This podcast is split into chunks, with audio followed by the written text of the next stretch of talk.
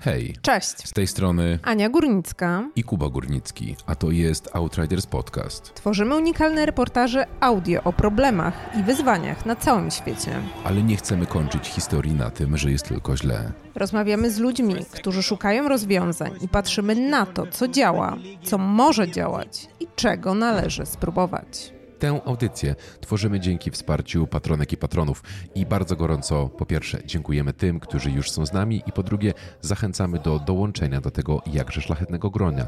Na stronie patronite.pl łamane przez Outriders możesz nas wesprzeć dobrowolną opłatą wedle Twojego uznania. Już z góry za to dziękujemy. Dzień dobry, dzień dobry. Witam Was w kolejnym odcinku podcastu Outriders. No dzisiaj sam, sam bez Ani, ale nadal, że tak powiem, liczba osób się zgadza, gdyż jesteśmy tutaj we czwórkę. I to jest kolejny odcinek, w którym rozmawiać będziemy o sztucznej inteligencji, ale już e, w poprzednich mieliśmy takie no, metafizyczne rozwiązania, czy te e, roboty zabiorą nam pracę, co my właściwie będziemy robić, a dzisiaj staramy się tak trochę bardziej o jakimś z potencjalnych konkretnych wykorzystań porozmawiać, mianowicie o tym, jak to może nam pomóc w ochronie przyrody. Żeby o tym wszystkim porozmawiać, jest ze mną dzisiaj troje wyśmienitych y, gości i gościń. Zacznę od ciebie, Agnieszko. Agnieszka Podobińska. Dzień dobry. Cześć. Agnieszka jest geografką i specjalistką do spraw komunikacji w Fundacji WWF Polska. Pracowała w projektach związanych z ochroną gatunkową, ochroną obszarów leśnych, tworzeniem nowych obszarów chronionych, czy takich związanych z edukacją. E, kolejnym gościem jest y, Tomasz Krzywicki. Cześć Tomku. Cześć, witam serdecznie. Tomek zajmuje się programowaniem od 2010 roku. Obecnie pracuje z językami Python oraz Go i tutaj przed tym spotkaniem ustaliśmy, że jest taki język, a nie, że to literówka, ale może on coś o tym powie więcej dalej. Zawodowo związany jest z Uniwersytetem Warmińsko-Mazurskim w Wolsztynie, Uniwersytetem SWPS oraz firmą Bilenium. I finalnie nasz gość niespodzianka dzisiaj Rafał Rzepkowski. Cześć Rafale. Cześć, witam serdecznie. Specjalista do spraw ochrony gatunków, lider projektu Swipe oraz Leka. Oczywiście również WWF Polska. Także Tomek, dzisiaj ty kontra dwóch e, dwóch przedstawicieli WWF-u, także po cichu będę Ci udzielał mojego wsparcia, także w razie gdyby nam się tutaj dyskusja zrobiła. Słuchajcie, Agnieszko, zaczniemy od Ciebie. Jak Ty myślisz sobie o sztucznej inteligencji e, i o tym, czym się zawodowo zajmujesz, to patrzysz, gdzie widzisz tam e, nadzieję? A do obaw sobie jeszcze przejdziemy, albo gdzie wy już tam eksperymentujecie, czy zastanawiacie się, gdzie można by to wszystko wykorzystać? E, ja mam tę przyjemność, że łączę moje wykształcenie przyrodnicze z takim doświadczeniem zawodowym związanym z komunikacją. I muszę powiedzieć, że od jakiegoś czasu bardzo intensywnie przyglądam się tym kierunkom, bo przecież sztuczna inteligencja okazała się słowem roku 2023, więc jest tematem ważnym.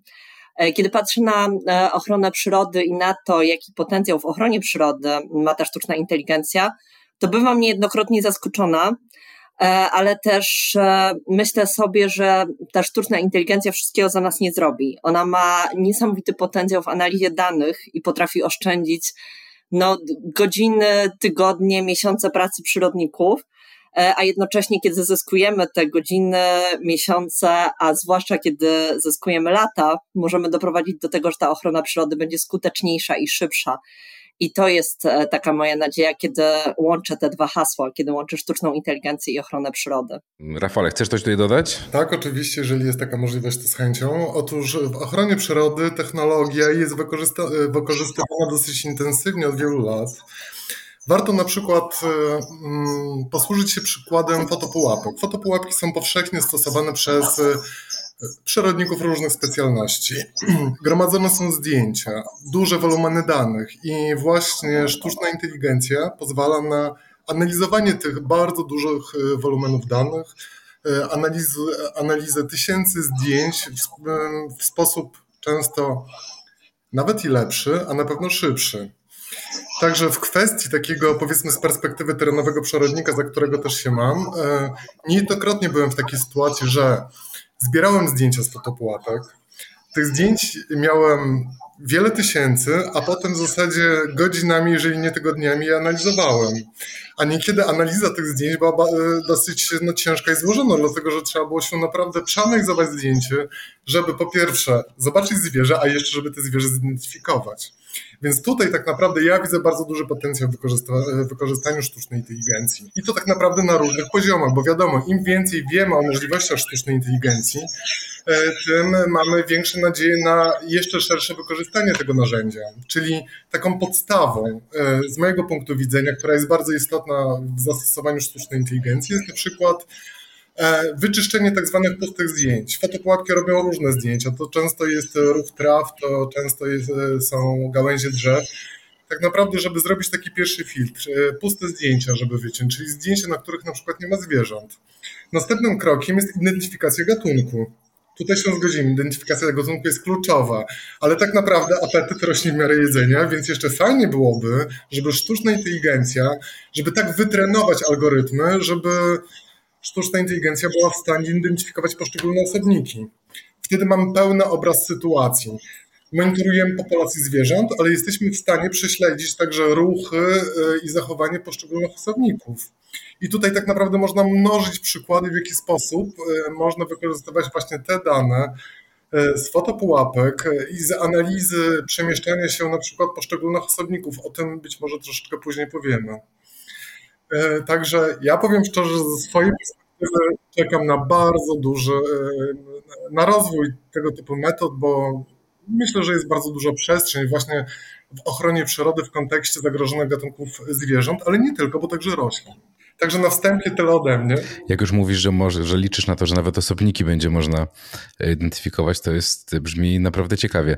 Tomku, a jak ty to wszystko słyszysz, to z twojej perspektywy, jako osoby, która no, zajmuje się bardziej programowaniem i tak dalej, myślisz, że tutaj marzenia Agnieszki i Rafała będą się szybciej czy później spełniać? Z mojego punktu widzenia e, marzenia pokroju filtrowania zdjęć, które są puste, które nie przedstawiają e, żadnej wartościowej E, informacji są e, właściwie już możliwe do zrealizowania. Natomiast e, jeżeli chodzi o takie już bardziej skomplikowane tematy, takie jak identyfikacja poszczególnych osobników, no niestety prawdopodobnie będziemy musieli na to jeszcze troszeczkę poczekać. Z tego względu, że jest to zadanie niestety trudne. Jest to zadanie trudne z tego powodu, że osobniki no, dość często są do siebie podobne.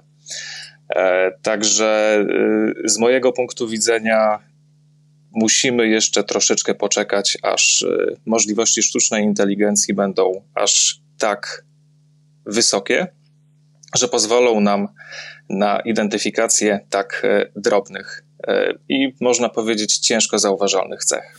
No tak, ale jakby nawiążę do, do tego, że my już widzimy ten potencjał, bo na przykład populacja karpackich rysi różni się od, karpacki, od populacji bałtyckich rysi tym, że układ plam każdego osobnika jest bardzo charakterystyczny, a plamy y, z kolei na sierści są bardzo widoczne, więc jakby tutaj widzimy ten przestrzeń potencjał na wytrenowanie właśnie algorytmów w ten sposób, żeby każdy osobnik był rozpoznawalny. To jedna rzecz, ale druga rzecz, tutaj już jakby nawiązuje do takiego współistnienia człowieka i dużego drapieżnika, że identyfikacja poszczególnych osobników też ułatwia w takich działaniach, które pomagają nam koegzystencję z naszymi drapieżnikami. Po pierwsze, na przykład, y, sztuczna inteligencja mogłaby identyfikować osobniki, które są chore. Na przykład wilk chory na świeżb, który z kolei jest bardzo słabym osobnikiem, podchodzi do zagród. Do... Czy mógłbyś definiować y, w sensie, co to jest świeżb i jak potencjalnie można by to było zauważyć takim laikom? Jest to dosyć jest to dosyć powszechna choroba wśród zwierząt. Objawia się tym, że no samo zwierzę inaczej wygląda, że jest po pierwsze wychudzone, poza tym sierść też jest przerzedzona, są, no to jest to, jest to choroba dosyć powszechna u wilków, u lisów i generalnie te osobniki też odróżniają się wizualnie od pozostałych niezainfekowanych osobników. A dlaczego z naszej perspektywy to jest ważne? Ponieważ bardzo często to te chore, osłabione zwierzęta stanowią taki potencjalny konflikt na linii człowiek-zwierzę, czyli zwierzę oczywiście chce przetrwać, chce przeżyć, szuka pożywienia, szuka pożywienia tam, gdzie jest, gdzie jest łatwo dostępne, więc taki osłabiony e, osobnik wilka może podchodzić do zagród ludzkich, szukając na przykład odpadów żywnościowych po to, żeby się pożywić. Jeżeli mielibyśmy system pułapek, który identyfikuje takiego osobnika odpowiednio wcześniej, można by było zareagować odpowiednio szybko do służb, że taki osobnik zbliża się do, e, do miejsc zamieszkałych przez człowieka, więc tutaj ten system pozwoliłby na bardzo szybką e, reakcję i w zasadzie wyeliminowanie zagrożenia na samym początku. Poza tym takie systemy, może nie w kwestiach identyfikowania chorych osobników, ale E, ostrzegających e, na przykład pasterzy albo hodowców generalnie zwierząt występują już na świecie takie pozytywne przykłady.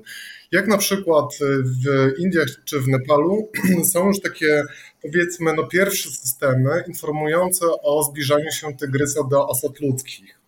Polega to na tym, że jest system fotopułapek zbierających zdjęcia. Z kolei następnie AI no pewnie mm, jest w stanie przeanalizować trasę, trasę migracji takiego osobnika. Jeżeli się zbliża do miejscowości, jest wysyłany sygnał po pierwsze do strażników parku, jeżeli rzecz ma miejsce na przykład w Parku Narodowym albo w innym obszarze chronionej przyrody, i do samych mieszkańców, że takie zagrożenie potencjalnie istnieje, że osobnik zbliża się. E, także taki system, system reagowania na zagrożenia jak najbardziej jest ok. A w naszym w zasadzie przechodząc jakby do naszego podwórka, bo jeszcze takie systemy są też e, e, pilotażowe wdrażane na przykład w Pakistanie e, w kwestii ochrony pantery śnieżnej. U nas taki system, czy można było stworzyć? No myślę, że tak. Na przykład ślady. Często medialnie dochodzą do nas informacje, że niedźwiedzie pojawiają się wśród właśnie, zbliżają się do osiedli ludzkich i stanowią potencjalne zagrożenie. E, czy niedźwiedź może stanowić potencjalne zagrożenie? Oczywiście, że tak, ale są też sposoby i metody, żeby ograniczyć ten konflikt pomiędzy dużym drapieżnikiem człowiekiem. Mamy system kamer, wiemy, że niedźwiedź się zbliża. Przekazywany jest system na przykład e, komunikat. To trochę taki komunikat o zagrożeniu. To może być SMS, na przykład do rolnika zbliża się niedźwiedź, e, zobacz, czy pasieka jest odpowiednio chroniona, albo twój inwentarz. Więc takich przy, e, przykładów wiadomo, że można mnożyć. Czy takie e, rozwiązania są możliwe pod kątem technologicznym? No tutaj pytanie do specjalisty. W każdym razie my widzimy takie, taką możliwość rozwiązania, wykorzystania właśnie AI. Jeszcze sobie przypomniałem jeden przykład z Indii, bo mówiłem o, tygry, o tygrysach. Monitoring tygrysa, tygrys się zbliża. Ale to także jest sposób na wykrywanie e, na przykład grup kłusowniczych, no bo te same fotopułapki, które robią zdjęcia zwierzętom, równie dobrze mogą uchwycić grupy kłusownicze, e, kłusowników, którzy z kolei czyhają na te zwierzęta, które chcemy chronić. Więc też odpowiednie komunikaty mogą wysyłać i zresztą tego typu pilotażowe programy już są realizowane w Afryce. Dziękuję, może to To ja może wsadzę kij w mrowisko. Proszę, wsadzę. Właśnie miałem ciebie o to prosić. Tak, y, tutaj de facto e, słowo fotopułapka jest e, słowem kluczowym. Mianowicie, jeżeli chodzi o sztuczną inteligencję, e, ona ma pewne ograniczone możliwości percepcyjne. I mam tutaj właśnie na myśli fotopułapki, które, no, bądź co bądź, nie są idealnymi narzędziami, które wykonują idealne zdjęcia. E, jeżeli chodzi o monitorowanie, na przykład zbliżania się e, gatunków, które mogą być groźne dla człowieka do osad ludzkich, to jest rzeczywiście rozwiązanie dość proste do opracowania, z tego względu, że nawet na zdjęciu o kiepskiej jakości rozpoznanie, a właściwie odróżnienie, powiedzmy, tygrysa od niedźwiedzia jest e, zadaniem prostym. Natomiast jeżeli chodzi o identyfikację cech, które są e, dość rzadkie i trudne w wykryciu, e, jest to problem, którym, z którym boryka się nawet po dziś dzień e, medycyna. Mam tutaj na myśli dokładniej obrazowanie medyczne. Wyobraźmy sobie system, który analizuje zdjęcia dna oka. Zdjęcia dna oka to są zdjęcia wykonywane zazwyczaj w warunkach zbliżonych do laboratoryjnych i po dziś dzień Obecne rozwiązania sztucznej inteligencji mają e, nadal duże problemy z wykryciem pewnych drobnych zmian, takich jak choćby mikroaneuryzmaty.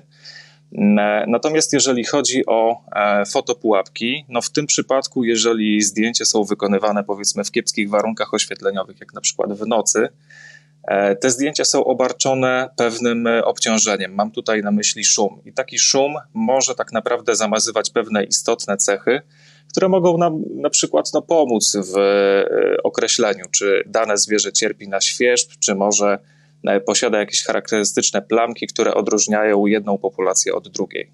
to ja chciałam e, tutaj wtrącić taką refleksję, bo tak sobie słucham i Rafała, i Tomka, i gdzieś tam zawsze przy tej sztucznej inteligencji, kiedy tak sobie marzymy, co byśmy chcieli, co byśmy widzieli w przyszłości, bo też myślę sobie, że odróżnienie przez taką fotopułapkę czy sztuczną inteligencję wilka od hybrydy wilka na przykład, albo od zliczałego psa też na pewno należy do wyzwań i trudnych elementów takich projektów ale ja myślę sobie też o tych e, granicach tego, co może sztuczna inteligencja i czy my nie zaczynamy trochę fantazjować na poły, a trochę na poły próbować tutaj przypisywać jej taką kluczową rolę, bo rzeczywiście jest to ogromne ułatwienie dla nas, ale są rzeczy, których autentycznie naprawdę chyba nigdy sztuczna inteligencja za nas nie zrobi.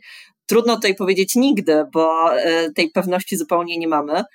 E, ale na ten moment naprawdę te ograniczenia jednak są e, spore i praca przyrodników i tak zastąpiona nie będzie. E, ale z mojej perspektywy właśnie plusem jest to zyskanie czasu na to, w jaki sposób naprawdę możemy zrobić coś istotnego, bez e, siedzenia przy komputerze i na, analizowania obrazów, e, powiedzmy, z fotopułapek, e, z który, które zarejestrowały spadającą gałąź na przykład.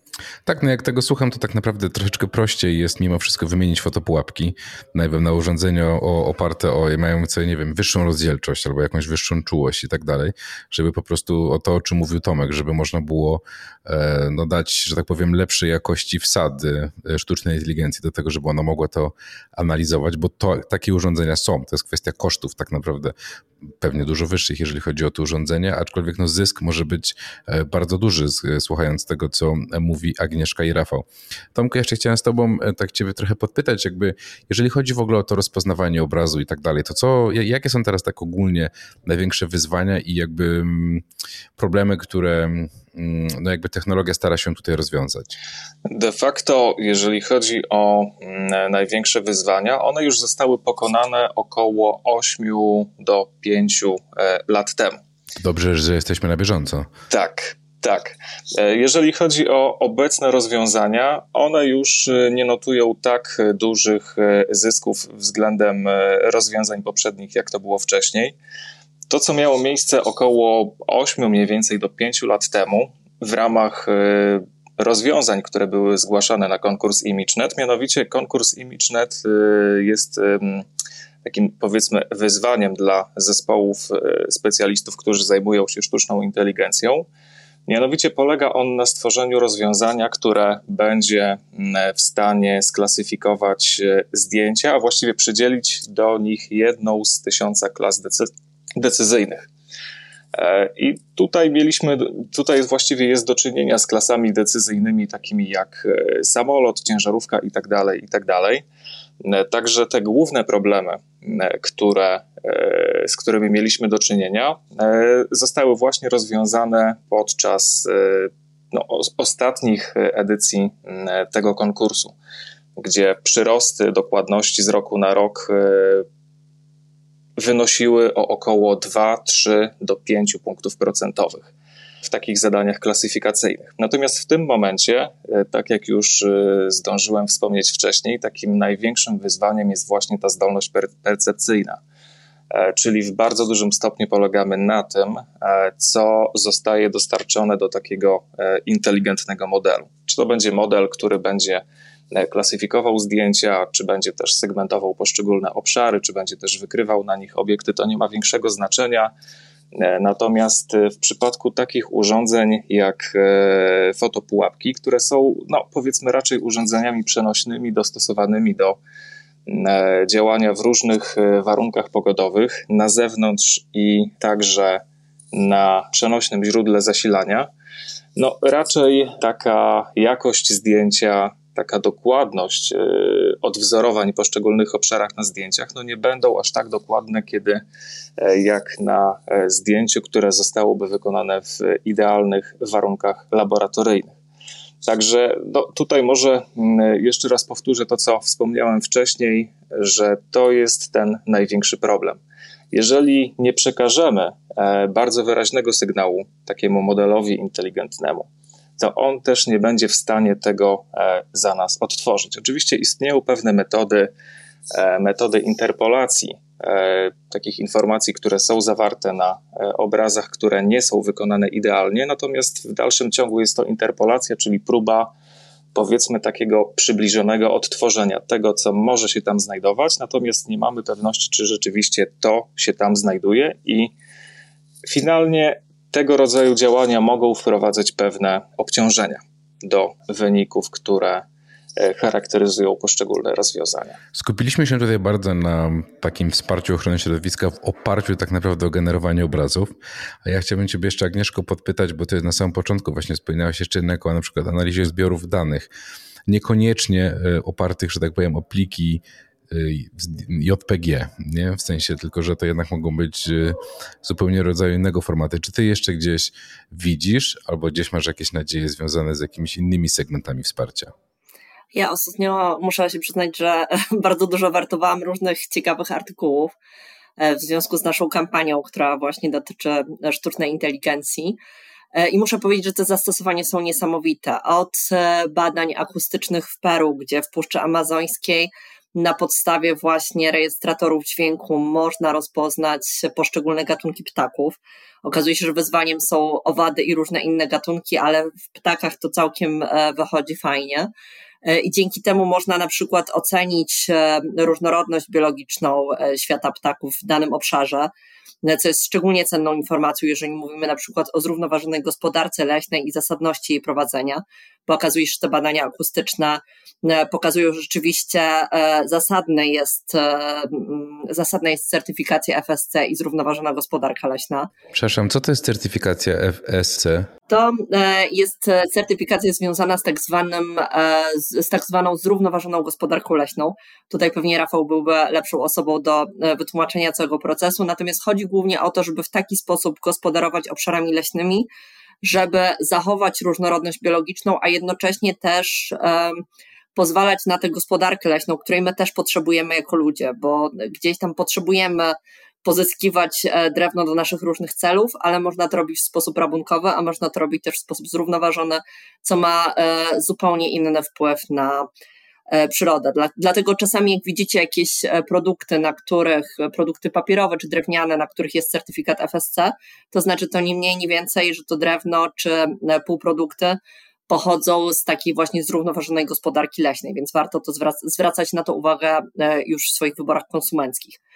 Natomiast jeżeli chodzi o inne takie ciekawe projekty, na przykład w Wielkiej Brytanii są pilotażowe projekty, które dotyczą zanieczyszczenia rzek gdzie można e, różne parametry, które są oczywiście mierzone za pomocą sąd umieszczonych w różnych miejscach e, danej, danej rzeki, można mierzyć i temperaturę wody, i poziom różnego typu zanieczyszczeń, i monitorować e, stan takiej rzeki na bieżąco, a w przypadku wychwycenia przekroczenia jakichś norm można zareagować bardzo szybko, bo ten system nas poinformuje i nie trzeba kogoś, kto cały czas będzie E, przy komputerze siedział, tylko te dane mogą spływać na bieżąco z naprawdę dużą częstotliwością. E, to są przykłady, tak jak w Ameryce Południowej, w Pantanalu, dzięki analizie zdjęć lotniczych, takiej bardzo dokładnej, 30 lat wstecz, można ocenić e, straty wód powierzchniowych. A to jest szczególnie cenne, dlatego że obszary mokradeł bardzo dobrze wiążą dwutlenek węgla, są kluczowe w ogóle dla zmian klimatycznych i ich zatrzymywania ich tempa w ogóle, jeżeli chodzi o takie skutki globalne. I mówimy tutaj o tym, że jesteśmy w stanie dzięki sztucznej inteligencji bardzo precyzyjnie ocenić straty, które już się zadziały. Więc tych wykorzystań jest szalenie dużo. My tutaj głównie poświęciliśmy e, dysk początek dyskusji fotopułapkom, natomiast okazuje się, że tych możliwości jest naprawdę ogromnie dużo. Bardzo też rozwinięte są systemy związane z e, rozprzestrzenianiem się pożarów e, lasów. E, a co ciekawe, tych pożarów lasów prawdopodobnie będzie coraz więcej, nie tylko w związku z ekstremalnymi zjawiskami pogodowymi i zmianą klimatu, ale też w związku z działalnością człowieka, bo 90% pożarów lasów to jest działalność człowieka, tylko 10% to są te pożary naturalne. Więc e, tutaj możliwość e, przewidywania dzięki sztucznej inteligencji tego, jak taki pożar może się rozprzestrzeniać, gdzie to zagrożenie jest największe, pozwala odpowiednio dobrze ulokować e, na przykład strażaków czy wszelkie zasoby, które są potrzebne do gaszenia takiego pożaru i jakby zminimalizować straty albo ocenić to ryzyko i pozwolić sobie po prostu na dużo szybszą reakcję. Więc tego potencjału jest no szalenie dużo. Tak, no faktycznie Rafał nas tutaj ustawił, taką fotopułapkę, czy pułapkę na nas zastawił i postawił dyskusję, a teraz próbujemy się z niej wydostać.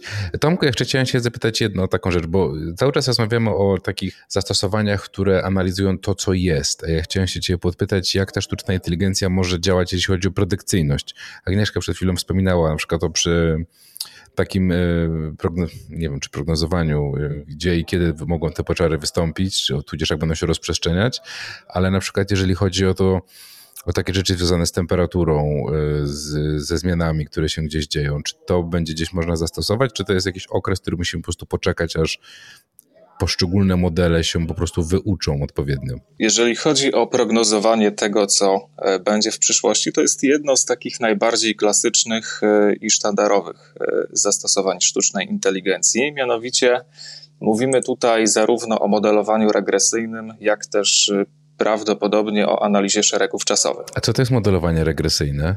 To jest, mówiąc w bardzo dużym skrócie, uczenie pewnego modelu danych z przeszłości i następnie prognozowania pewnych ciągłych wartości na e, dane przyszłe, e, przepraszam, na czas przyszły.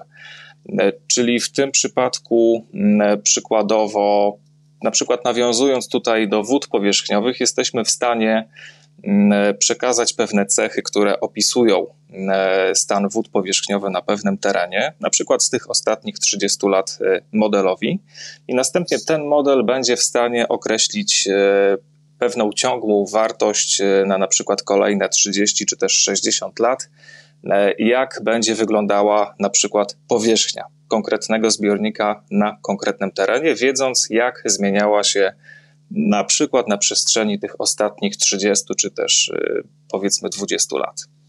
E, także to jest jedno z takich najbardziej e, sztandarowych y, rozwiązań, tylko tutaj występuje pewien minus.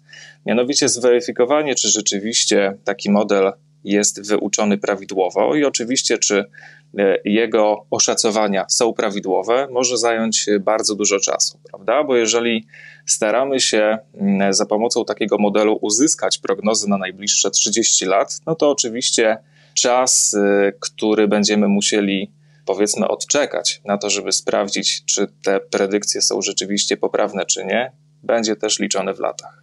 Agnieszko, Rafale, e, gdybyście mieli wybrać z tych wszystkich obszarów, które wymieniliśmy, tudzież nie, to od czego byście zaczęli tak naprawdę, gdybyście mogli wskazać taki obszar, w którym sztuczna inteligencja byłaby najbardziej potrzebna? Poza tym, że w każdym, ja rozumiem, że to są ważne obszary, w których się poruszacie, ale gdybyście mieli zrobić, od, od czego byście zaczęli? Rafał, tylko nie mów fotopułapek.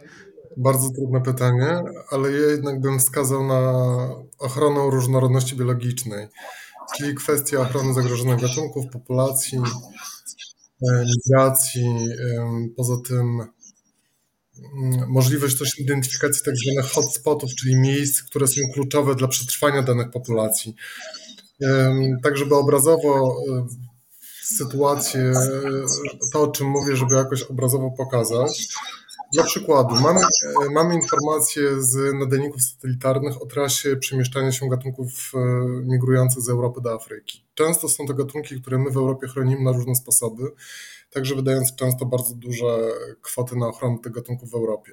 Ale to są gatunki migrujące, one spędzają zimę w Afryce i nie do końca wiadomo, w jaki sposób one się zachowują i z jakimi zagrożeniami mają do czynienia w miejscu, w którym tak naprawdę często przebywają większość roku, ponieważ jest część gatunków dalekodystansowych, które spędzają w miejscach rozrodu, czyli na półkuli północnej, na przykład w Europie, tylko trzy miesiące, czyli większość życia spędzają tam. Dzięki temu, że wiemy, jak się przemieszczają, e, gdzie spędzają czas, można właśnie zlokalizować tak zwane hotspoty tychże gatunków, czyli miejsca kluczowe dla ich przetrwania i na podstawie dalszych analiz wyznaczyć, jakie to są zagrożenia i w jaki sposób im przeciwdziałać, po to, żeby ten gatunek przetrwał, bo nie wszystko zależy od działań, które są podejmowane w Europie, czyli w miejscach, w których te gatunki się odbywają lęki. Gdybym ja miała wybrać taki priorytet e, i powiedzieć, od czego chciałabym zacząć, to ja bym sztuczną inteligencję wykorzystała do tego, żeby osobom decyzyjnym e, dać odpowiednie i wystarczające argumenty. Analiza ogromnej liczby danych e, pozwala na to, żeby znaleźć bardzo dużo argumentów do powołania kolejnych chociażby parków narodowych czy obszarów chronionych, albo do zmiany statusu ochronnego gatunków, które na to zasługują. Więc e, wydaje mi się, że gdybym ja miała wybrać te, ten jeden obszar, który byłby według mnie najbardziej skuteczny, to wykorzystałabym bez wahania sztuczną inteligencję, jej zasoby i analizy, które ona jest w stanie zrobić do tego, żeby przekonać ludzi, którzy mają do tego władzę i mają do tego możliwości, do tego, żeby podejmowali decyzje, które będą sprzyjały ochronie przyrody, bo ostatecznie i na początku tego łańcucha sztucznej inteligencji jest człowiek i na samym końcu, bo to my decydujemy, co, jakie zadanie chcemy dać sztucznej inteligencji i e, co chcemy, żeby wykonała za nas, a na koniec to my robimy coś z tym wynikiem. I mając już wolną rękę do tego, żeby chronić jakiś obszar, jesteśmy już zdecydowanie bliżej tego, żeby ten cel osiągnąć. Poza tym jest to narzędzie, które można wykorzystywać w ograniczeniu konfliktów pomiędzy na przykład drapieżnikami a człowiekiem. I to też jest moim zdaniem bardzo ważne pole, które można wykorzystać. Na przykład tworząc system wirtualnych pastuchów, właśnie komunikatów, o których mówiliśmy. Zbliża się drapieżnik, zabezpiecz stada, czyli sama informacja, reagowanie na zagrożenia. Także ja w tym obszarze także widzę bardzo szerokie pole do wykorzystania sztucznej inteligencji i na to liczę. Tomku, jeżeli chodzi o ciebie, jak widzisz kolejne kroki, jeżeli chodzi o sztuczną inteligencję, przynajmniej w tej, w, specy, w tej kategorii, w której ty się zajmujesz? Właściwie, jeżeli chodzi o sztuczną inteligencję, to bardzo dużo już zostało zrobione. Ja uważam, że zbliżamy się tak naprawdę już do pewnego kresu, jeżeli chodzi o obecne metody. Obecnie w osiąganiu sztucznej inteligencji najczęściej wykorzystywane są e, sztuczne sieci neuronowe, czyli bardzo elastyczne struktury, e, które pozwalają nam dopasowywać się do pewnych wzorców, które występują w danych. No i obecnie te sieci neuronowe są bardzo potężne. Może tutaj nie będę opisywał dokładnych e, wielkości oraz jednostek, które się kryją za tym określeniem. Mianowicie wystarczy wspomnieć, że tak naprawdę obecnym ograniczeniem są zasoby sprzętowe, e, czyli te największe modele, takie jak e, choćby chat e, GPT, wymagają naprawdę bardzo potężnych centrów obliczeniowych wyposażonych w superkomputery do swojego działania. Czyli w tym momencie mamy tak naprawdę wyścig na zasoby obliczeniowe, które pozwolą nam trenować oraz uruchamiać te sieci neuronowe. Także z mojego punktu widzenia, e, zbliżając się już bardzo powoli do tego kresu możliwości, które pozwalają nam osiągać tą sztuczną inteligencję, wspomnę o tym, że również te rozwiązania niestety, ale konsumują potężne ilości e, energii. I z mojego punktu widzenia, będąc w temacie ochrony środowiska, należy przede wszystkim zastanowić się nad, po pierwsze, rozważnym stosowaniem tej sztucznej inteligencji, bo niestety, ale potężna konsumpcja, konsumpcja energii elektrycznej, no niestety nie wpływa pozytywnie na środowisko, to jest pierwsza kwestia. Natomiast druga kwestia to jest y, taki pewien dość nowy nurt w informatyce, który jest jeszcze dość raczkujący, mianowicie jest to green computing, czyli nurt, który skupia się na optymalizacji zużycia zasobów obliczeniowych. W tym momencie jest to jeszcze bardzo raczkujący nurt, który oczywiście ma już pewne małe sukcesy na koncie, natomiast te sukcesy jeszcze nie dotyczą tych powiedzmy topowych i najważniejszych modeli, które są wykorzystywane w naszym życiu codziennym. E, mianowicie to są raczej zastosowania, powiedzmy, takie bardziej demonstracyjne. Natomiast myślę, że w bliższym bądź troszeczkę e, dalszym czasie ten nurt green computing będzie w stanie bardziej zoptymalizować pobór energii przez te, no powiedzmy nawet najważniejsze modele sztucznej inteligencji. To ja jeszcze skorzystam z okazji, z bo Tomek powiedział sekund. o czymś bardzo z 10 sekund, ale mam e, dla wszystkich słuchających nas i ciekawostkę i propozycja. Ciekawostka e, brzmi tak, że Tomek już wspomniał o śladzie węglowym sztucznej inteligencji. Ja dotarłam do informacji, że wygenerowanie jednego obrazu przez sztuczną inteligencję, co jest teraz często traktowane przez nas jako e, rozrywka w tym narzędziu, zużywa tyle energii, ile naładowanie smartfona. A tysiąc takich obrazów jest równoważne przejechaniu 7,5 km samochodem benzynowym. To tak, żeby sobie wyobrazić to zużycie energii, które idzie na sztuczną inteligencję i poddać trochę rozwadze to, do czego ją wykorzystujemy i czy naprawdę potrzebujemy ją do tego wykorzystywać. A propozycja dotyczy tego, że tak jak Tomek mówi, gdzieś te granice sztucznej inteligencji mamy nawet w ochronie przyrody, więc e, my z Rafałem szczególnie zachęcamy, żeby w tym czasie, kiedy rozliczamy się z podatku, przypomnieć sobie o naszej organizacji, organizacjach ekologicznych. My zachęcamy szczególnie do wsparcia naszych przyrodniczych działań Fundacji WWF Polska, bo no, nikt nie zastąpi zaangażowania naszych wolontariuszy, naszych przyrodników, działań terenowych, których sztuczna inteligencja za nas nie zrobi. Dziękuję Wam wszystkim bardzo za udział w dzisiejszym odcinku podcastu. Naszymi gośćmi byli Agnieszka Podobińska. Dziękuję Agnieszko. Dzięki serdeczne. Rafał Rzepkowski. Dziękuję bardzo. I Tomek Krzywicki. Dzięki. A my słyszymy się już za tydzień w bardzo specjalnym odcinku, e, no podsumowującym e, właściwie dwa lata e, istnienia tego podcastu. Także już dzisiaj gorąco zachęcam do usłyszenia. A już na sam koniec bardzo chcielibyśmy z Anią i całym zespołem podziękować wszystkim, dzięki którym powstaje ta audycja, czyli naszym patronkom i patronom. Część z nich zgodziła się na publiczne podziękowania, zatem z wielką przyjemnością to czynią. I dziękuję Przemkowi Szołajowi, Mirosławowi Gałczyńskiemu, Władysławowi Sajowi, Rafałowi Sobierajskiemu, Marcie Szadowiak, Danielowi Jadczakowi, Urszuli Zinserling, Bartkowi Fischerowi, Milenie Filipowicz, Jakubowi Wiązkowi i Tomaszowi Terleckiemu. Bardzo Wam dziękujemy. Wszystkim patronkom i patronom zachęcamy wszystkich do wspierania nas dobrowolnymi wpłatami w serwisie Patronite. Tam samemu zdecydujesz o kwocie wsparcia, a my polecamy się i dziękujemy za Wasze oceny na Spotify, Apple czy innych platformach, na których nas słuchacie. I do usłyszenia w kolejnym tygodniu.